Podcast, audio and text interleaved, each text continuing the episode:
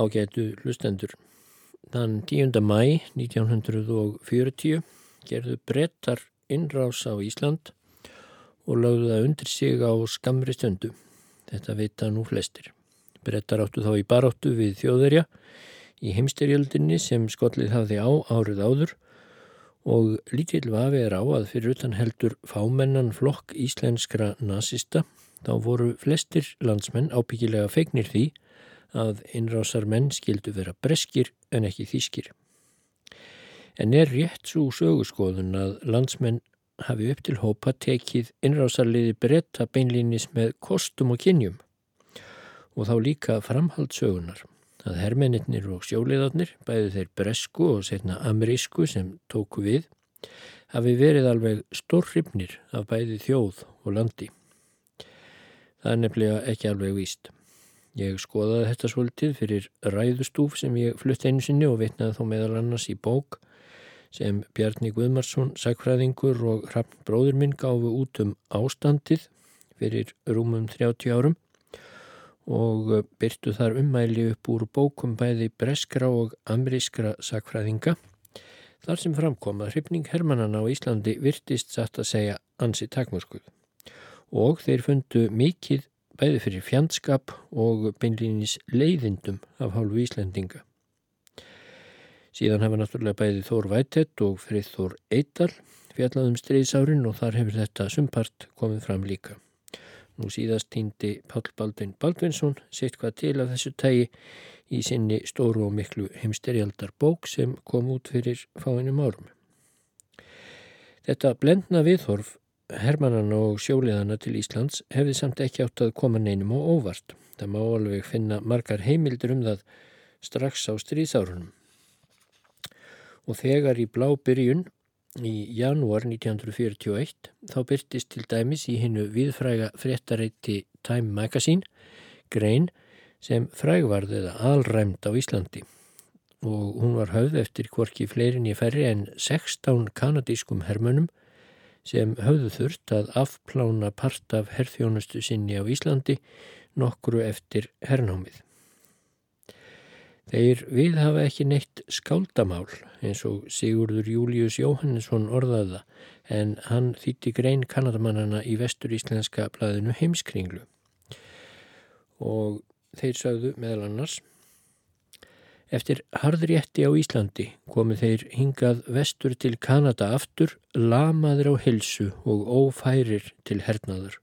Hafðu þeir flestir fengið magasár og verið sendir heim aftur. Þessir hermenn lístu þannig lífinu á Íslandi að þar væri ekki um mikla vinnsemt að ræða. Þegar breski herin tók Ísland um samanleiti og nazistar réðustinn í Noreg voru viðtökurnar af hálfu landsmanna á Íslandi allt annað en hlýjar eða vinsamlegar. Íslendingarnir voru svo óvinnveittir brettum að hermennir urðu æfinlega að vera þrýr saman þegar þeir fóru eitthvað og ekki nómið það, þeir urðu að vera velvopnaðir og varir um sig. Annars máttu þeir eiga þess von að vera stungnir með nýfum eða skotnir í aðpil. Þegar hermeninnir keftu egg, urðu þeir að borga 1 dólar og 20 cent fyrir tiltina, sem er fráleitt verð og ofan á það bættist að stöðugt varð að hafa augun á íslensku kaupmannunum, annars letu þeir 10 egg í staðin fyrir 12 egg í pokan. Maturinn á Íslandi var af mjög skornum skamti. Söðfjö eða söðakjött var svo að segja í hverri máltíð, það var soðið, seitt, malað, grindsteikt, pönnusteikt, pollsteikt. Veðrið á Íslandi var beinlýnis rottalegt og hermininir höfðust við í tjöldum sem þeir í háði kvölluðu hlýbíli, drottningarskála og svo framvegis. En það sem tók þó út yfir allt á Íslandi var þrákjelknin í kvennfólkinu. Eina orðið í íslensku sem kanadísku hermininir lærðu var orðið stúlka. Þeir vöndu sig á að slæpast um götturnar og kalla hæstúlka þegar þeir sáu ljósherða stúlku á gangi. En þær létu æfinlega sem þær heyrði ekki.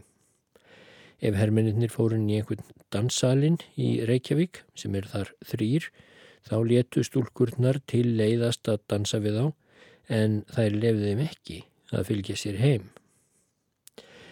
Ef stúlka var svo óvarkár að líða englending í förmið sér þá var hún krúnurökuð og galt þannig fyrir samveru stundina með ofinberi smán. Hermönnum var ekki hliftin á íslensk heimili. Í Reykjavík þar sem mikið var látið af löghlíðinu og reglusemi voru kallaðir til starfs 65 lögreglþjónar og hafði slíkt aldrei skeið áður. Íslenskir vinnumenn settu setulíðinu allt of hátt kaup fyrir verk sín. Öll þessi óvinnáta sögðu hermennirnir að stafaði af óþreytandi undirróðri frá þjóðverjum og fylgjendum þeirra þar í landi. Hafði þeirri skoðun verið rutt braut að Þískaland og Ísland væru sistralönd. Þetta sagði Time Magazine í blábyrjun árs 1941 aðeins rúmu halvu ári eftir hernámið. Íslendingar mótmæltu þessum skrifum harðarlega. Meðal annars var Tór Tórs, aðalræðismadur í New York, kallaður til. Og mála sannast var líka sitt hvað fórmilli mála í frásögn Kanadamannana. Það er til dæmis ekki vitað til að neyn íslensk stúlka hafi verið krúnurökuð fyrir vináttu sína við hermin. Þóttu sumar væri vissulega litnar hortnauga og ekki er vita til þess að gerðar hafi verið árásir úr launsátri með nýfum, hvað þá heldur bissum gegn hermönunum, þótt einhver dæmi munu vera til um að ráðist hafi verið á þá með núum og nefum. Miða við aðra lýsingar frá hermönum og sjóliðum sem voru hér á Íslandi um lengri eða skemmri tíma, þá er allavega ljóst að tölvert var til í sögum um massífa andúð sem hermenn mættu. Þegar fjadrafókið út af ástandinu svo nefnda hófst á Íslandi en svo var það kallað þegar íslenskar konur þóttu gerast um og um of fylgisbakkar við erlendahermin þá mátti ætla af umræðunni að nær allar íslenskar konur hefðu kastað sér af taumlausri og hamslausri físt í fangu næsta hermans en því fór reyndar mjög fjari á þess að ég ætla að tala um ástandið í þetta sinn, það er alveg annar handlegur. En hvað um það? Í grúski mínu um sjóhernað í síðar heimstyrjöldinni hef ég reykist á ymsar heimildir frá sjómönnum og sjóliðum eða þá landdátum þar sem Ísland kemur við sögu og ætla að reykja eitthvað af þeim í þessum þætti. Og nú kemur til sögunar Anthony nokkur Ditcham Hann var árið 1943 21 árs gammal miðunarstjóri eða Gunnery Control Officer á breska tundurspillinum Skorpjón sem vildi breska heimaflottanum. Breski heimaflottin var flotadeild sem yfirleitt hafði að geima stærstu og öflugustu orustu skipin og hann var ætlað að gæta þess að þýsk herskip breytust ekki út á Allandsaf og setna tók eh, heimaflottin þátt í vernd skipalesta til Rúslands. Titsjam skrifaði merkilega bók með minningum sínum úr stríðinu. Hún er bæði skemmtileg og líka fróðuleg og nákvæm. Svo nákvæm reyndar að lýsing Titsjams á árás breska heimaflottans gegn þýska orustuskipinu Sjarnhorst á jóladag 1943 er ein af helstu og bestu heimildunum um þann slag. En tundurspillirinn Skorpjón staltraði íðulega við á Íslandi þetta árið 1943 yfir leitt til að taka eldsneiti og Ditcham kom við á öllum helstu flottastöðum bretta á Íslandi, á Seyðisfyrði, Akureyri og í Reykjavík eða Kvalfyrði. Á leið til orustunar við Sjarnhorst kom tundurspillirinn við á Akureyri og það er kannski rétt að taka fram að Ditcham sínir í bóksinni að hann var engar lífsglaður og jákvæður piltur en um Akureyri, segir hann samt aðeins, en einn Guðs volaður staður þótt hann hafi ekki verið alveg eins vonlaus og segðisfjörður. Það er kannski ekki alveg undra þótt Ditcham hafi haft slæmar minningar frá segðisfjörði. Hann segir frá því í bóksinni að eftir að Skorpjón hafi fyllt fáinnum Rúslands skipalestum hafi einn kornungur sjóliði verið alveg að kikna undan óurlegu álæginu sem fylgdi siglingunum til Múrmansk, dimviðrinu á norðurslóðum og stöðugri hættu af árásum óvinna. Skipslæknirinn meldi með því að ungi sjóliðin yrði settur í land en skipstjórin kallaði unga hásettan fyrir sig og sagði Ég skil bara mjög vel að þú viljir ekki fara í næstu rúslandssiglingu. Ég skal trúa þér fyrir því að ég vil heldur ekki fara. En hafðu á hreinu að við munum samt sigla, báðir tveir. Ditsjam segir síðan, við lögðum svo upp og þegar við vorum komnir upp að Íslandi skutumst viðin á Seyðisfjörð til að taka eldsneiti. Þar var auðvitað dimt, kallt og ömurlegt og við lögðumst upp að hlið oljuskips einhver staður í þessum hræðilega fyrði. Þá tilkynntu félagar unga hásettans að hann væri farin að hegða sér mjög enkennilega og það tókst að sannfæra klústón skipstjóra um að það yrði að setja hann í land. Bóð voru sendt til litlu flótastöðvarinnar í fyrðinum um að senda bátan á í hásettan. Stráknum var sagt að taka til sjópókansinn og hengirúmið og býða við uppgangin. Mér var þá gengið út á járndekkið og sá strákin býða þarna með pókansinn og hengirúmið við landgangin, dúðaður í allt of stóran yfirfrakka. Nokkru setna var hann hins vegar hverkið að sjá. Hann hafði greinilega stokkið útbyrðis og dáið strax í ofsalegum kuldanum þarna í þessum íslenska fyrði. Lík unga sjóliðans sem vildi fremur deyja en fara í land á hennu dimma Íslandi fannst ekki þrátt fyrir mikla leit. Í einaskiptið sem Tony Ditcham getur þess að tundurspillirinn hans, Skorpjón, hafi komið til Reykjavíkur, þá segir hann svo aðeins Við fengum ekki að fara í land. Íslendingarnir eru ekkert allt og hressir með að vera hersetnir af útlensku stórveldi, hvort heldur það voru brettar eða bandaríkjumenn og hinnar fögru ljósærðu stúlkur voru sagðar vera ískaldar. Ice Maidens er orðið sem Ditcham notar. Þannig að með réttu eða raungu hafa bresku sjóleðarnir talið að þeir fengi ekki að koma í land í höfustanum beinlýnis vegna fjandskapar Íslendinga við þá. En um leið hefur þeim verið sagt að þeir misti ekki að miklu því hinnar ísköldu kvensur vildu þá hvort sem er ekki en annar breskur sjóliði sem hétt Pítur Woodhouse skrifaði líka minningar sínar frá stríðinu. Hann var á orastu skipinu Duke of York og tók reyndar líka þátt í orastunni við Sjarnhorst sem ég myndist af áðan en hann segir frá því að nánast braust út uppreist á skipinu haustið 1942. Þá hafði Duke of York sem var stolt breska flótans leiði kvalfyrði í sex vikur samfleitt, tilbúið til að bregðast við ef þýsk herskip gerðu vart við sig og reyndu að brjótast út á Allandshafið. Sint í september komust skipfyrirnir svo að því að þeim var ætlað að halda ennþá, jáfnvel lengi enn, kyrru fyrir í kvalfyrðinum. Uppnám varðum borði í skipinu, skrifaði Vúthás.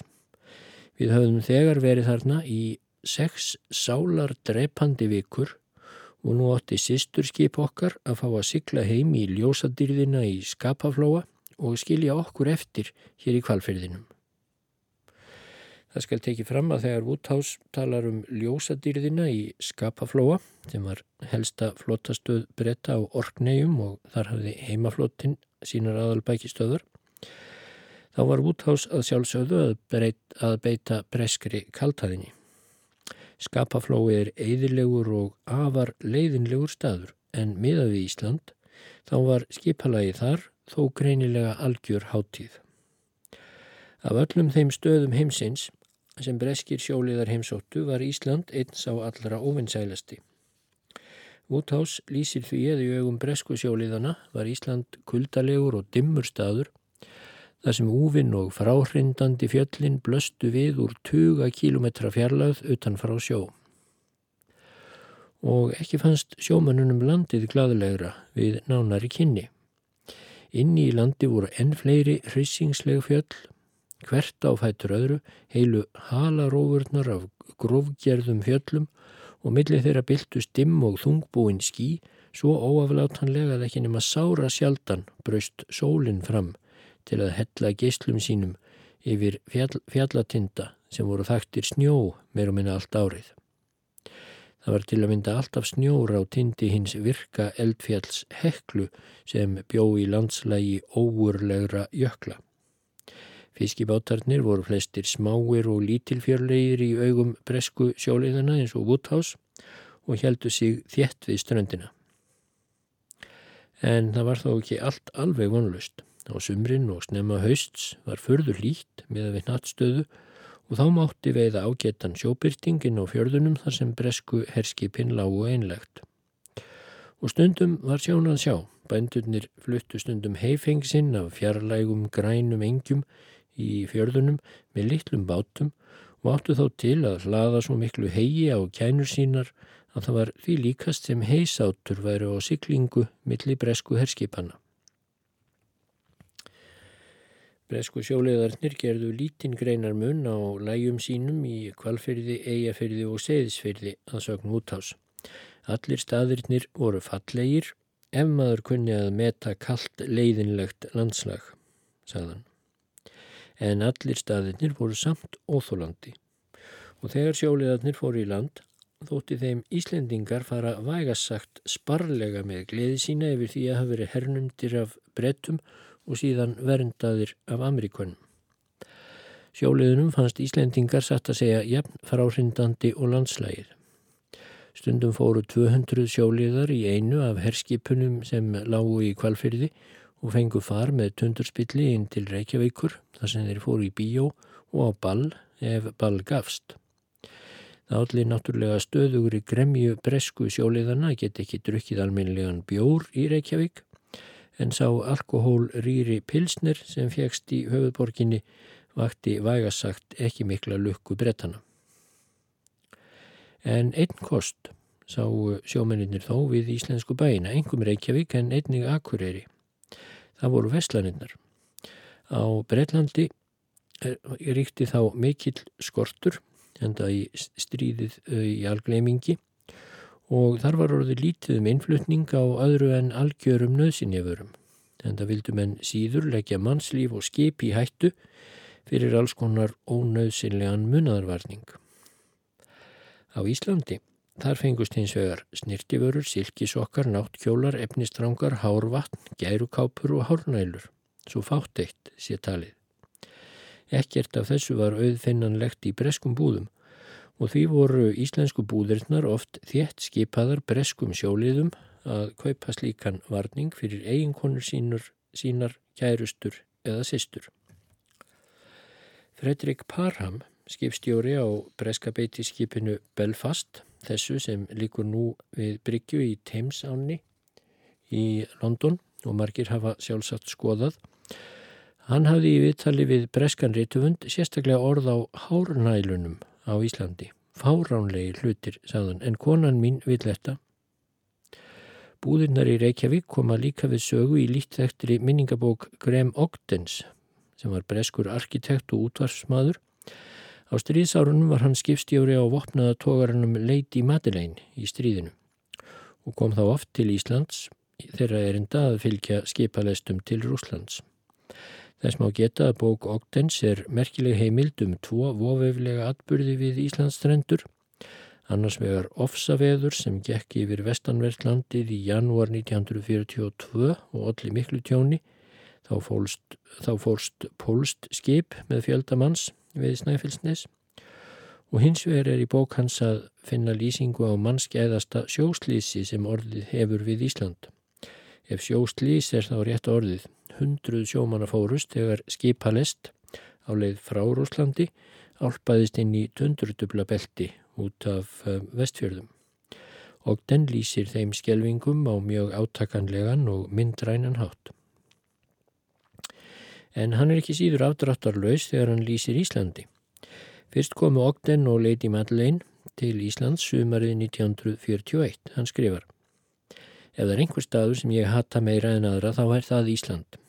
Með að segja Danir þóla ekki Ísland. Þeir eiga orði yfir íbúa staðarins sem þýðir eitthvað í líkingu við stígvjalaðir þorskar. Ég veit satt að segja ekki til hvaða orðs í danskri tungu og den er að vísa hér en áfram heldur hann. Þessir eigaskeggjar Íslendingar eru undirförulir og gráðugir Hvað okkur snertir var eini kosturinn við að fara í land í Reykjavík eða Rekki eins og hann kallar það, sá að það er hægt að kaupa allt mögulegt sem orðið var ófáanlegt heima. Ég hófst handaði minnkaupin fyrir Salli en það var eiginkona Ogdens. Hann held svo áfram. Næstum all landið samanstendur af jöklum og eldfjallarhraungli og er ömurleg, eidileg auðn. Árið 1939 var landið gjaldróta nú líkist að mest kanadískum námabæ. Höfuborgin Rekki lítur út eins og skandinaviskur bær umkringdur bárujálsbröggum. Þegar brettar lögðu staðin undir sig til að verða undan þjóðverjum í april 1940 þá skilst mér að það hefur verið heilmikið sjónarspil. Einsagan segir að fyrstu landgönguleðarnir sem stígu á land hafi verið með tólka með sér sem töluðu eskimóamál og svo fylgdu hjáttbröytarkallar á eftir. Þar sem Íslendingar tala einhvers, einhvers konar danska sveitamálísku, þá voru tólkarnir í hjálfi á réttri hillu og þegar hjáttbröytarkallarnir báðum að fá að skoða aðalbröytarstöðuna þá uppgötuðu þeir að það er ekki einn einasta hjáttbröytarleið á öllu randinu. Hálfu ári setna í janúar 1942 þegar leið, leið Lady Madeleine lág næst til Reykjavíkur þá skrifaði Ogden þetta. Rekki er á 60.4. breytargráður norður og veturna eru bara örfáir tímar af velgjulegri dagspyrtu sem líkist reyndar helst bleikri krítarklessu á svartri skólatöflu sem er þá heiminin. En daginn eftir þegar ég var aðeins afslappaðri og í betra skapi þá var ég reyndar að viðurkenna að Rekki með sínum snjóhuldu húsum og blíkandi ljósum var kannski ekki svo slæm eftir allt saman. Annar breskur sjóliði sem lísti Reykjavík helst til stuttlega þó var Leonard H. Thomas. Hann var í áhöfn loftvarnarskipsins Ölster Queen sem fylgdi nokkur um rúslandskipalestum þegar mest gekk á í stríðinu. Í minningum hans, sem kom út fyrir aðeins örfáum árum, segir Thomas að Ísland hafi helst mynd hann og félaga hans á söður Georgíu sem er hrjóstrug smáegja nærri Falklandsegjum. Utan frá sjó, skrifar hann, sáum við ekki mikið af Reykjavík eftir að hafa lagst á eitrihöfnina. Við sáum aðalega timpurhús og einingahús en hér á Tómas líklega við braggana sem allstaður blöstu við. Öll voru húsin í björtum litum en ljóst þegar dimma tók að Íslendingar fóru samvisku samlega eftir myrkunarreglunum og drungin lagðist yfir en sjólegarnir reyndu að ilja sér með því að hlýða á létt hermanalög.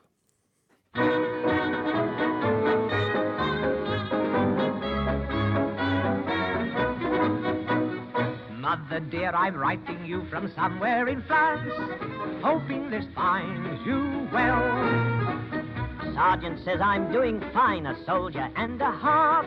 Here's a song that we'll all sing, it'll make you laugh. We're gonna hang out the washing on the Siegfried line. Have you any dirty washing, mother dear? We're gonna hang out the washing on the Siegfried line, cause the washing day is here. Í bókinni PQ, The Convoy to Hell, frá 1968 er eins og nafni bendir til sagt frá henni viðfrægu siglingu Rúslands skipalestarinnar PQ-17 frá Kvalfyrði áleiðist til Múrmansk og Arkangelsk.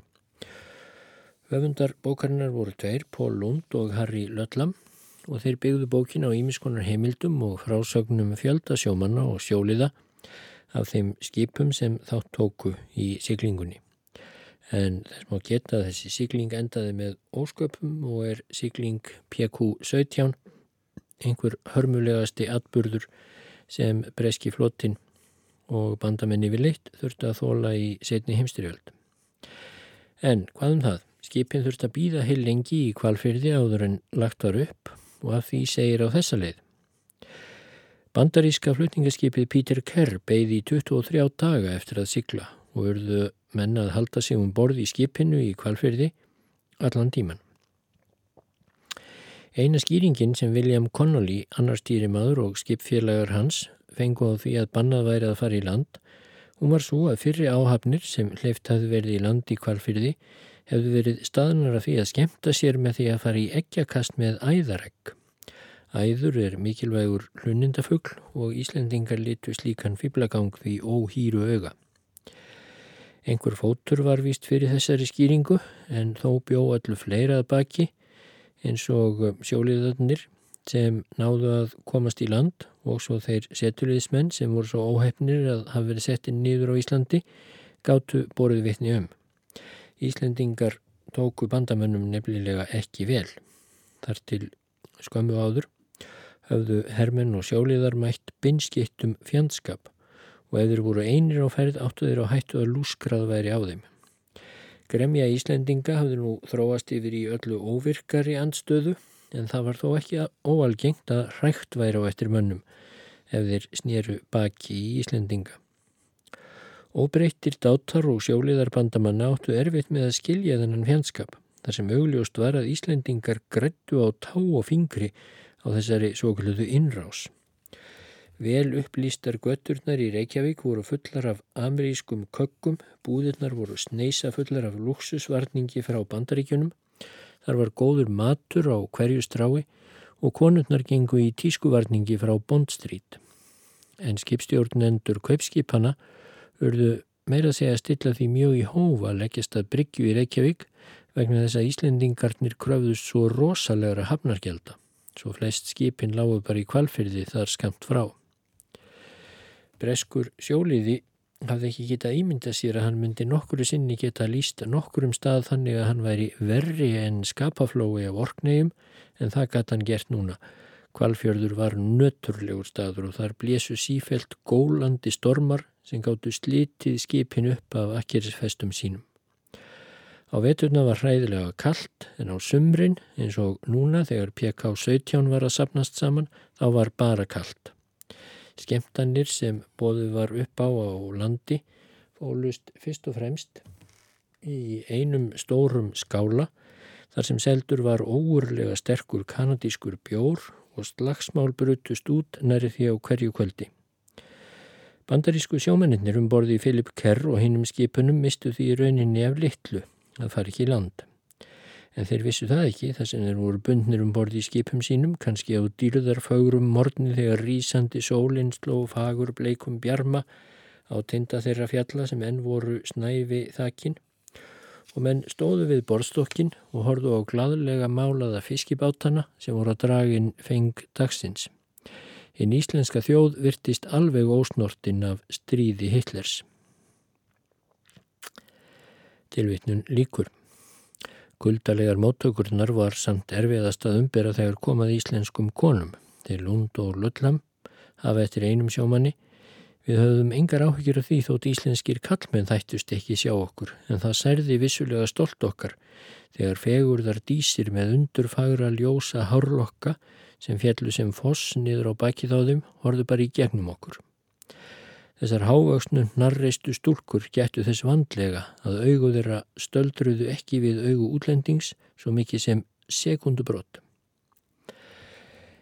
Í verslununum á kaffihúsum og á hótelum voru þeir stúlkas sem afgreitt okkur, kurteisar og akkurat á kuldalegan hátt en frusu gjörsamlega ef við gerðum okkur líklega til að verða of kumpánleir rosalegar skvísur, allar þessar ljósherðu var haft eftir einum óbreyttum sjóliða en þær sjá mann ekki einu sinni.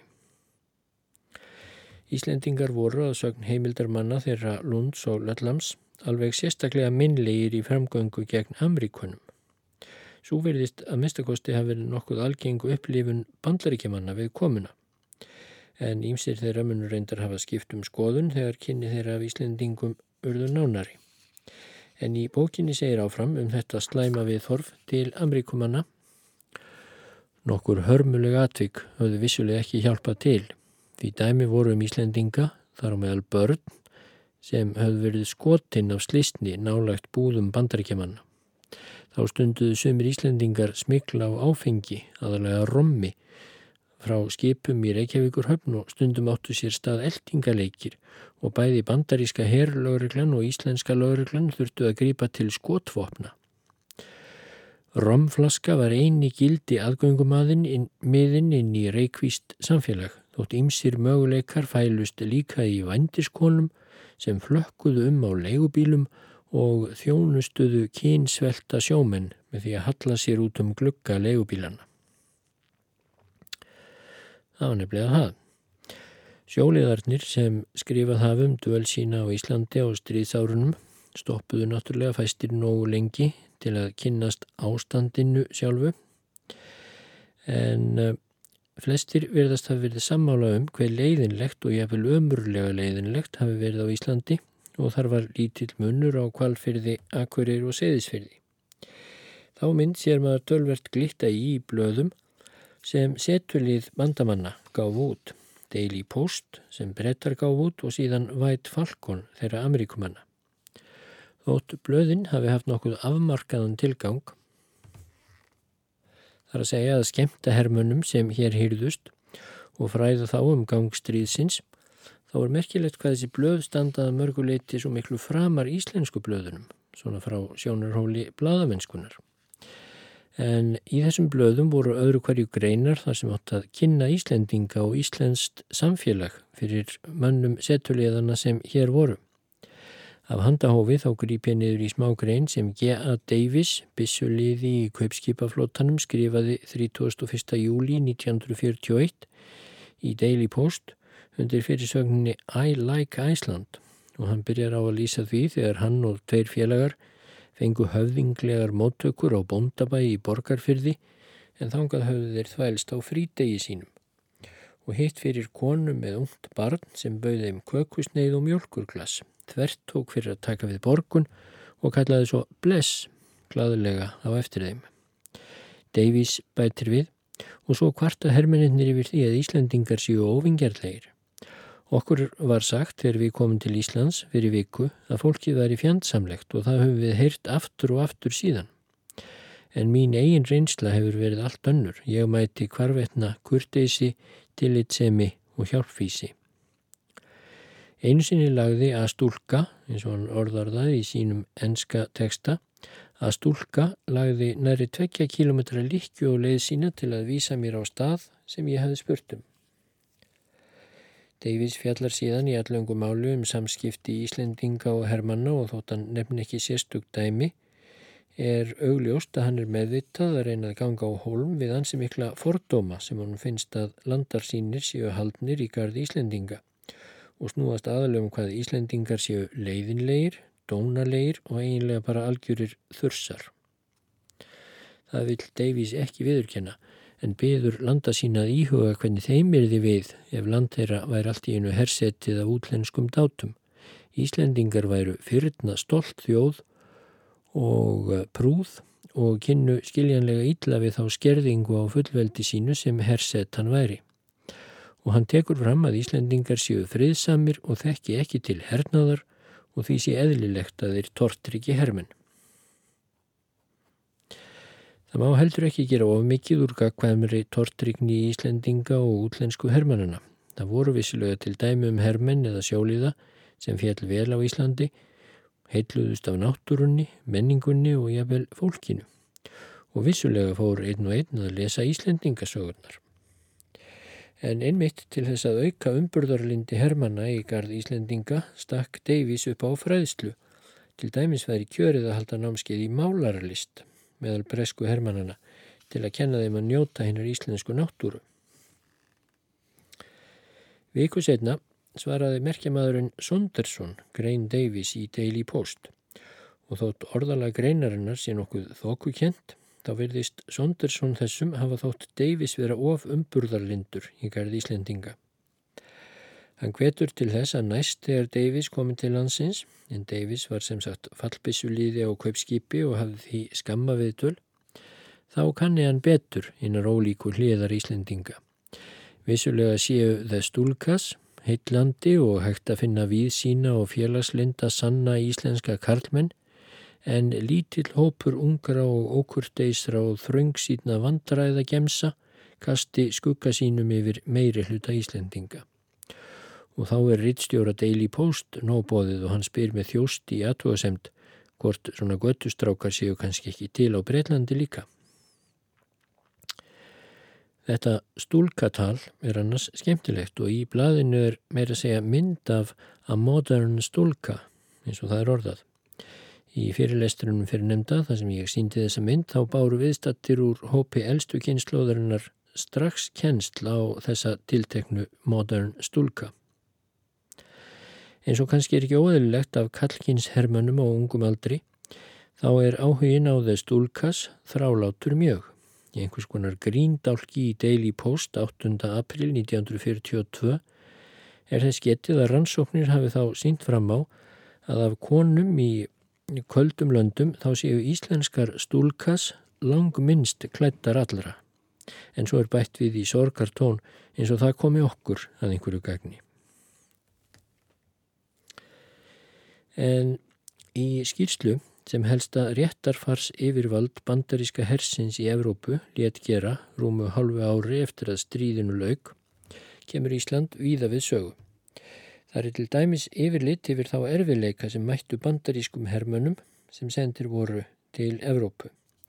Og þar segir, reynið að ímyndi ykkur litla vindbarða og regnblöyta og snjóskapna eigu í norður Allandshafi og mörg þúsund bandaríkjaman sem reyna að aðlagast þessu hrjóstruga landi með kuldalega íbúa og fá tækifæri til að slaka á og gera eitthvað skemmtilegt og þá fáið þið einhverja mynd af því hvernig lífið var á Íslandi fyrir þá hermin okkar sem settu þar upp fyrstu stöðvar sínar. Þegar menn vilja gera sér mynd af lífi hermana okkar á Íslandi þá má ekki gleymast að fyrstu dátum okkar sem þar stígu á strönd mætti allt annað en auðvelt land. Þetta land er ekki fallegt fyrir augað, fyrir þá sem voru vanir grænum ökrum, bylgjandi trjám og siðmenningu. Mikið af því landi sem hermeninnir áttu nú að setja var regn og vindbarið raun, vegir millir staða voru kjannaðin tróðningar, brýr voru fáar og sumstaðar var algjör vegaleysa. Háfjöll voru kvarvetna í veginum svo víða þurfti að fara sjóleiðina millir staða. Jáfnvel á lálendi voru vegir oft lokaðir vegna snjóa stóra hluta ársins. Hermenn á útstöðum fengu post aðeins með óreglulegu millibili. Þeir eruðu oft úr tíðum að lifa á niðurstóðunum mat engöngu sem var ekki gæðslegt til lengdar. Laungum stundum hafðu menn engan félagskap nema hver, hver annan með fram ströndinni og inn í landi eru margar eftirlitstöðvar og þar heldu fáeinir innmanna dátar, dátar vörð á kurjum stað og skímuðu eftir flugvílum eða skipum. Menninir á þessum einangruðu stöðum urðu að takast á við lífið á einhvern þann þungbærasta hátt sem umgetur. Póstur kom kannski ekki mánuðum saman yfir veturinn og þegar veður voru vond. Stundum tókst þó að kasta póstinum niður úr flugvél. Það var engin leið að rjúfa leiðindinn á slíkum stöðum og hver maður þurfti að finna í sjálfum sér eitthvað að gera til að drepa tíman. Það er rétt að taka fram í þessu sambandi að Frithór Eidal hefur rannsakað vel helbriðist jónustu bandaríska herliðsins á Íslandi sem var með ólíkindum flott. Og hann hefur komist að því að þrátt fyrir einangrun, skamdegi og leiða sem fylgdi einhæfum lifnaðarháttum dátana þá hafi geðræn vandamál ekki verið algengari hér á landi en annar staðar þar sem herinn draf niður fæti. Og í framhjálflaupi má svo geta þess að það er líka niður staða fyrir þórs að kynsjúkdómar þóttu sérlega fáttíðir meðal hermanna hér á landi og var það talið því að þakka að skipulagt vændi þekktist ekki í landinu og að íslensk heilbriðis yfirvöld höfðu mun yfirgrips meiri heimildir til að hefta útbreyðslu slíkra sjúkdóma en gerðist í Breitlandi og Bandaríkunum. En áfram stóði þessari bandarísku skýrslu. Svæðið kringum Reykjavík þar sem herrliðið er fjölmennast bauð upp á meira aðtafnafrelsi. Á Íslandi er aðeins einn borg sem hægt er að nefna í sömu andra og bandarískar borgir og því er Reykjavík sangkvölduð vinn fyrir herrliðið á því svæði. Reykjavík er þó ekki borg sem opnar faðminn til að bjóða gesti velkomna. Íslendingar höfðu þegar mátt þóla hersetu Erlends hers í heilt ár áður en bandaríska herliðið mætti á svæðið. Sögur höfðu greinlega gengið á Íslandi um að bandaríkjamennir sem kæmu erðu allir bissubóvar frá Chicago og því var þeim tekið af mikil tortrygni af heimamannum. Það væri ekki sæmandi fyrir unga stúlku að fara út með hermanni af slíku sögðahúsi. Þær sem það gerðu voru útskúfaður úr hópi vinkvenna sinna og sérlega fyrirlitnar af íslenskum kallmönnum. Hermennir áttu erfitt með að þóla slíkt því þeir voru í ókunnulandi og þráðu ekkert meira en vinalegt viðmót. En þeir Íslendingar sem vildu sína hermennunum vinsemt örðu að gera þá laun af óta við andúð almennings.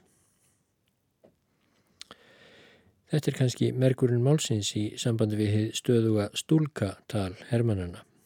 Það var kannski ekki bara til margsum það sem kallum á kvensemi, heldur í og með skiljanlega þrá eftir vinalegu andliti svo litlu. En svo er þarna talið upp í ímislegt sem skýrsluhöfundum þykir benda til að Íslendingar hafi að minnstakosti setni árin farið að líta bandaríkjumenn mildari augum. Þannig er til dæmis upptalning á ýmsu sem sínir í hver miklu metum bandaríkjumenn hafi verið undir lokstriðsins með sömum Íslendingum. Flest af því eru klausur úr blæðinu White Falcon og skýsluhöfundur vittnar til dæmis stoltur til þess að Hallbjörg Bjarnadóttir söngkona hafi sagt eftir að hafa sungið í amerískum klubbi ég væri til í að syngja bæði dag og nótt fyrir Ameríkana. Þetta glatti ameríska heimsveldið sannarlega. En í skýslunni segir svo alveg í lokin. Smátt og smátt fór sambandið millir Íslendinga og setuliðsins að skána. Því hernum tókst að sína fram á að hann væri ráðinn í að haga sér sómasamlega og Íslendingar fóru að skilja betur hinn að nýkomnu í landi þeirra. Tómstundamiðstöð á vegum Rauðakrossins var opnuð í Reykjavík og þangað fóru stúlkur að koma til þess að dansa og skemta sér. Samkvæmi voru haldin í ýmsum kömpum og þess stúlkas komuð þangað líka í vaksandi mæli. Þetta var náttúrulega höfuðatrið málsins, þeir stúlkas. En svo kemur loka niðurstaðan. Þráttur í þetta þá er það svo að núna í desember 1945 þar að segja löngu eftir að stríðinu líkur og þegar stærstur hluti setjuliðsins er horfin á braud þá verður að viðurkennast að svo tilfinning er enn ríkjandi að almennt séð þá er íslenska þjóðin alls ekki vinsamleg í garð hersveita okkar. Og svo er þarna í þessum skýslubunga eitt atriði sem snertir vissulega samskipti hermannana og Íslendingana. Þótt að sé með öðrum hætti og óskemtilegri en það sem ég hef hingað til nefnt.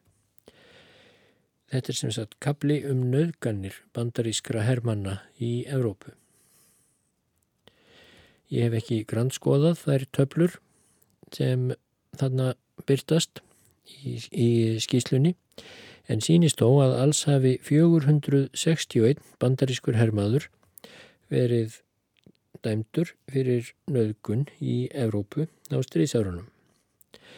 Þar sem óhætt mun að reikna með því að aðeins örlítill hluti nöðgara í hernum hafi verið kærður af fórnarlömpum og aðeins um helmingur hinn að kærðu sagfeldur samkvæmt því sem þarna kemur fram þá er ljóst að nöðganir hafi verið mun algengari. Og þótt að komi málinu hér ekki við, þá get ég ekki stilt mig um að nefna að rúmlega helmingur þessara sakveldu nöðgara í bandaríska hernum var svartur og hörund. Þótt að eins 10% af bandarískum hermönnum yfir höfuð hafi verið svartir. Men lesi hvað þeir vilja út úr þeirri staðarind. En það sem ég vildi sagt hafa Aðeins eitt raunverulegt dæmi er nefnt í þessari bandarísku skýrslu. Það snýstum hana ungfrú Fitzpatrick en bandarískur hermaður réðist á hana á Norður Írlandi í mars 1944 og reyndi að nöðgenni. Hún barðist um og hrópaði hjálp með þeim árangri að fólk kom aðvífandi á síðustu stundu og árásarmadurinn lagði á flotta. Þetta er sem sagt eina dæmið sem nefndir í allir í skýslunni um nöðgun af hendi amerísks Hermanns. En því er ég að nefna þetta með hana ungfrú Fitzpatrick frá Norður Írlandi að meðfylgir svo stuttarlega aðtóðasemt að Norður Írland hafi verið annað af tveimur svæðum sem skáru sig úr að því leiti að konur sem þar urðu fyrir nöðgunar til raunum bandarískra hermanna streyttust meira á móti og með betri árangri en konur annar staðar sem urðu fyrir þessum glæp. Hitt svæðið hafi verið Ísland. Ég veit auðvitað ekkert hvað er hæft í þessu. Ég veit ekki hvað ameríski skýrsluhöfundurinn hefur fyrir sér því hann skýrir þetta ekki nánar. Ég veit heldur ekki hvað þetta þýðir þá ef þetta þýðir þá eitthvað en eins og minn segja nú til dags ég skilja þetta svona eftir hér